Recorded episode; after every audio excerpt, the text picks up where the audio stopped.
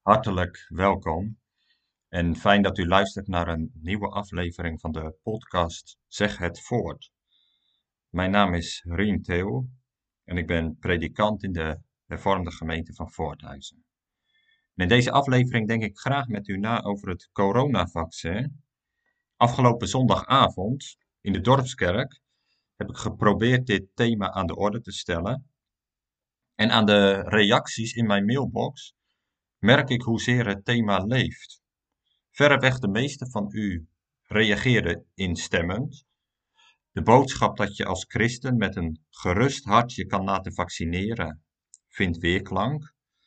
Dat je het coronavaccin zelfs dankbaar uit Gods hand mag ontvangen, is bijzonder. Toch hadden sommigen ook een vraag. Want op internet circuleert er een filmpje waarin professor Dr. Theo Schetters wordt geïnterviewd. En hij stelt dat massale vaccinatie onnodig is. Want de meeste mensen worden immers niet ernstig ziek.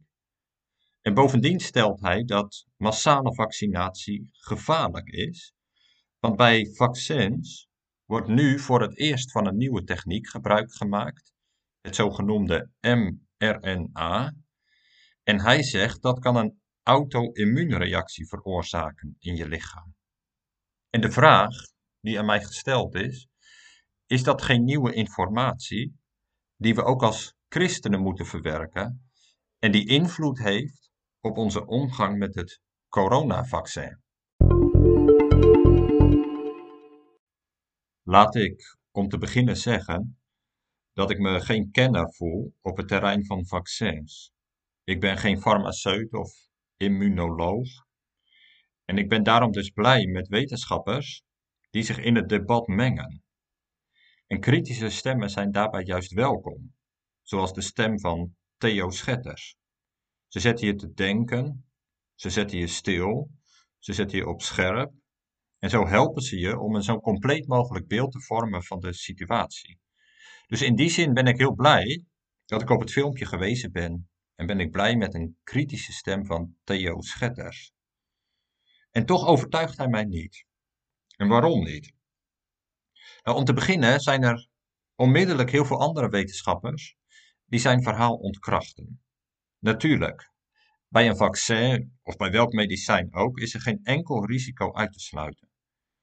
Maar als er inderdaad een auto-immuunreactie optreedt, dan zou dat in ongeveer een week tijd na het krijgen van een vaccin moeten gebeuren. Want in ongeveer een week tijd komt je afweersysteem op gang en die zal proberen om dat mRNA uit je lichaam te verwijderen. Dus binnen een week tijd gaat je lichaam het gevecht aan met die nieuwe onbekende cellen die het vaccin in je lichaam aanbrengt. Nou, op dit moment zijn er miljoenen mensen wereldwijd gevaccineerd en tot nu toe is er nog geen enkele reactie bekend van auto-immuniteit. Nou, dat klinkt allemaal misschien wel technisch. En natuurlijk, er is geen enkel risico uit te sluiten. Ook een auto-immuunreactie niet. Maar tot op dit moment is er geen enkele aanleiding om daar heel bezorgd over te zijn en om het vaccin om die reden te weigeren. Hoe interessant de stem van Theo Schetters dus ook is, mij weet hij niet geheel te overtuigen. Medisch gezien is er geen reden om heel bang of bezorgd te zijn om het vaccin tot je te nemen. Voor mij is veel meer de vraag: wat voert eigenlijk de boventoon in onze bezinning? Is de hoofdvraag bij een onderwerp als vaccinatie wat de effecten zijn, de kleine bijwerkingen, voor mij in de toekomst, in mijn enkele kleine leventje, of ontvang ik het vaccin ter wille van een hoger doel dan alleen mijn eigen gezondheid? Als dominee ben ik op de corona-afdelingen geweest in het ziekenhuis. Ik heb corona-begrafenissen geleid. Ik sta op dit moment elke zondag voor bijna lege kerkbanken te preken. Ik proef de eenzaamheid bij heel veel mensen. Ik vind corona is een immens probleem dat onze samenleving al maandenlang teistert.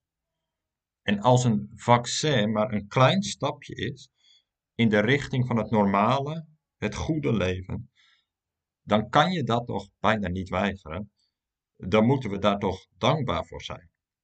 Mijn verlangen is dat het vaccin bijdraagt aan minder begrafenissen, aan minder volle ziekenhuizen, aan meer ruimte voor onderling contact en sociaal leven, aan volle kerken, aan mogelijkheden om weer samen te zingen. Want dat is het leven zoals God het bedoeld heeft. Het leven waarin we Hem prijzen en leven tot Zijn glorie.